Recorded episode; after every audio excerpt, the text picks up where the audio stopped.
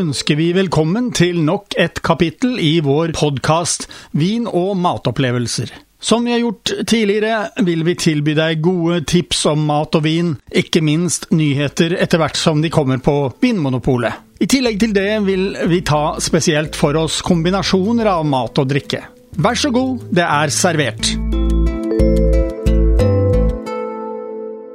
Ja, her i dag sitter jeg sammen med eh, Harald Skulberg, som er eh, vår gode nabo og eh, folkets røst i eh, stadig eh, flere episoder. Poenget vårt det er at vi sitter her med tre viner. Det er viner som kommer fra Dao-området i Portugal. Det er viner som er laget på en vingård som ligger altså midt i Portugal omtrent. Midtveis mellom Porto og Lisboa. Det er eh, vingården Quinta das eh, Merces som er bygget da på århundrer gamle ruiner sør i Dao-regionen. Og stedets historie kan følges bakover til den gang romerne brakte med seg vinkunsten til landet. Men eh, hva sier du, Harald, eh, når jeg sier at dette er, dette er norsk vin? Ja, den er iallfall halvt norsk. Det er jo Roar Aune fra Trondheim som er skredder. Han har truffet en tysk dame, eh, Petra Lohmann, og de har slått seg sammen og driver en gård. Slik at det er et uh, utmerket norsk-tysk samarbeid. Ja, jeg vet ikke om at skredderyrket gir spesielle forutsetninger til å kunne ordne opp i en vingård. Hva tror du?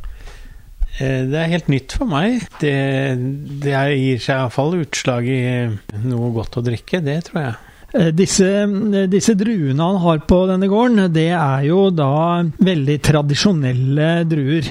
Det er typiske portugisiske druer. Vi har jo vært borti Toriga Nacional eh, flere ganger. Det er jo ja, Noen kaller det for eh, nasjonaldruen i Portugal. Eh, men eh, i Dao så har du da en drue også som heter eh, Khaan.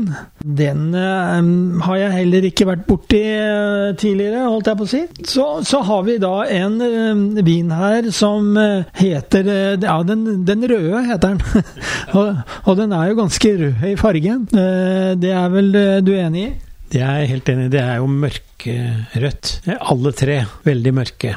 Og det sier eh, han godeste Roar Aune at eh, det er fordi de lar eh, drueskallet og stilkene ligge i mosten ganske lenge, sammenlignet med andre produksjonsmåter. Og den røde som vi hadde her, det er jo da en blandingsvin. Det er ikke endruevin som de to andre. Det er en vin med fire forskjellige druer, og det er veldig nasjonale og lokale druer. Det er Toria Nacional, det er Tinta Roriz, det er eh, Alfro Heiro, og det er Han. Så eh, det er veldig lokale druer de bruker på denne gården. Hva skal vi si om disse vinene? Hvis vi tar for oss denne, den røde, den Aune Loman Tinto. Det har da gått fire år siden druene ble plukket.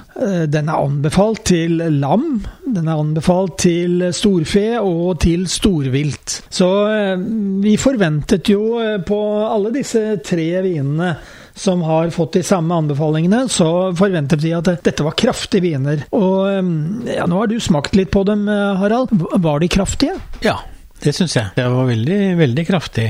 Og så var det jo Det var veldig typisk at det var veldig klart mørke bær. Litt krydder, men eh, kraftig. Og den første vinen vi tar for oss, det er Aune Loman Tinto 2016.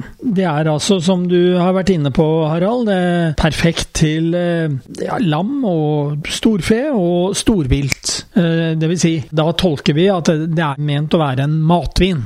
Det er, det er eh, ment å være det, og det tror jeg vi kan være enige om. Ja, For du har nettopp smakt på den, og hvordan smakte den? Jo, den var kraftig. Den hadde litt, øh, litt, krydder. Mørke bær. Veldig tydelig mørke bær. Garvesyre. Ja, ja, Så det var en skikkelig øh, krafttak. Litt sånn eh, krydderaktig smak på den også. Så eh, denne koster altså 160 kroner. Den har en, et alkoholinnhold på 13% Den er på bestillingsutvalget og er tørr, får må vi si. Da er vi over på um, Aune Loman Haen 2017. Eh, altså treårslagring etter at druene er plukket og gjæret. Så um, det er en eh, endruevin. Hvordan opplevde du den? Den var eh, rundere enn tintoen. Men den hadde mye smak, den òg. Men, men, som sagt eh, mer balansert. Den er eh, også anbefalt både til lam og til storfe og storvilt. Den eh, koster altså 160 kroner, den også. Alkoholinnholdet er litt eh, lavere, 12,5% og den er også på bestillingsutvalget. En tørr rødvin. Nesten ikke sukker registrert i det hele tatt. Jordsmonnet på dette området hvor druerankene har vokst, det er granitt og sand. Eh, de er økologiske, og faktisk eh, står det at eh, det er fottråkket druer. Og det er jo interessant. Det har vi prøvd her, med vekslende hell. Ja, det må man vel kunne si. Det kommer kanskje an på druene, men vel. Vi, vi får se hvordan det går med den vinen vi lagde. Men det, det, er altså et håndarbeid som ligger bak denne vinen. Arbeid, kanskje? Både håndarbeid og fotarbeid. Da har vi kommet til Aune Loman eh, Toriga National fra 2017. Altså en eh, tre år gammel vin, den også. Eh, det er Ja, hva, hva, hvordan opplevde du den? Jeg, jeg syns den var god. Den var tydelig mørkebær, den også. Mer krydder enn en de to andre. Litt plommer, kanskje, og litt lær. Den eh, er jo Alle tre er jo veldig mørke i fargen. Den er også tørr, tørr eh, den vinen her, og det syns jeg også er spennende. Her har vi en vin til 170 kroner. Den har en alkoholprosent på 13, og den er i bestillingsutvalget. Ja, 60% av vinen er lagret i eh, franske eikefat i seks måneder. Og så regner jeg med at den er blitt tappet på flaske og har ligget eh, der eh, resten av tiden. Også denne er da anbefalt til lam og storfe og storvilt. Du nevnte at det var kraftige viner, og da ø, tenkte jeg med en gang at her må vi ha noe kraftig mat. Og, og det var det. Det var det. Absolutt. Det jo, var jo lammekoteletter som var godt uh, krydret fra din side. Og så fløtegratinerte poteter. Og så var det en uh, salat. Greskinspirert, vil jeg si. Vi hadde både mye salatblader og fetaost og kapers, som jeg er veldig glad i. Så når vi fikk alt dette her, så um, krevde det sin eh, vin, dvs. Si kraftig vin? Det er altså sånn at uh, dette er en vin som også går til bacalao. Som da er uh, nasjonalretten i Portugal, må vi vel si. Og de har selvfølgelig mange ulike typer. Dette er også anbefalt til bacalao. Ja, Harald. Ost, kjeks og rødvin, det er ikke noe nytt fenomen. Onde tunger sier at eh, det var eh, Det, det var 68-erne som kom, denne sammensetningen. Og det kan godt være riktig, jeg vet ikke. Men eh, nå har vi testet det.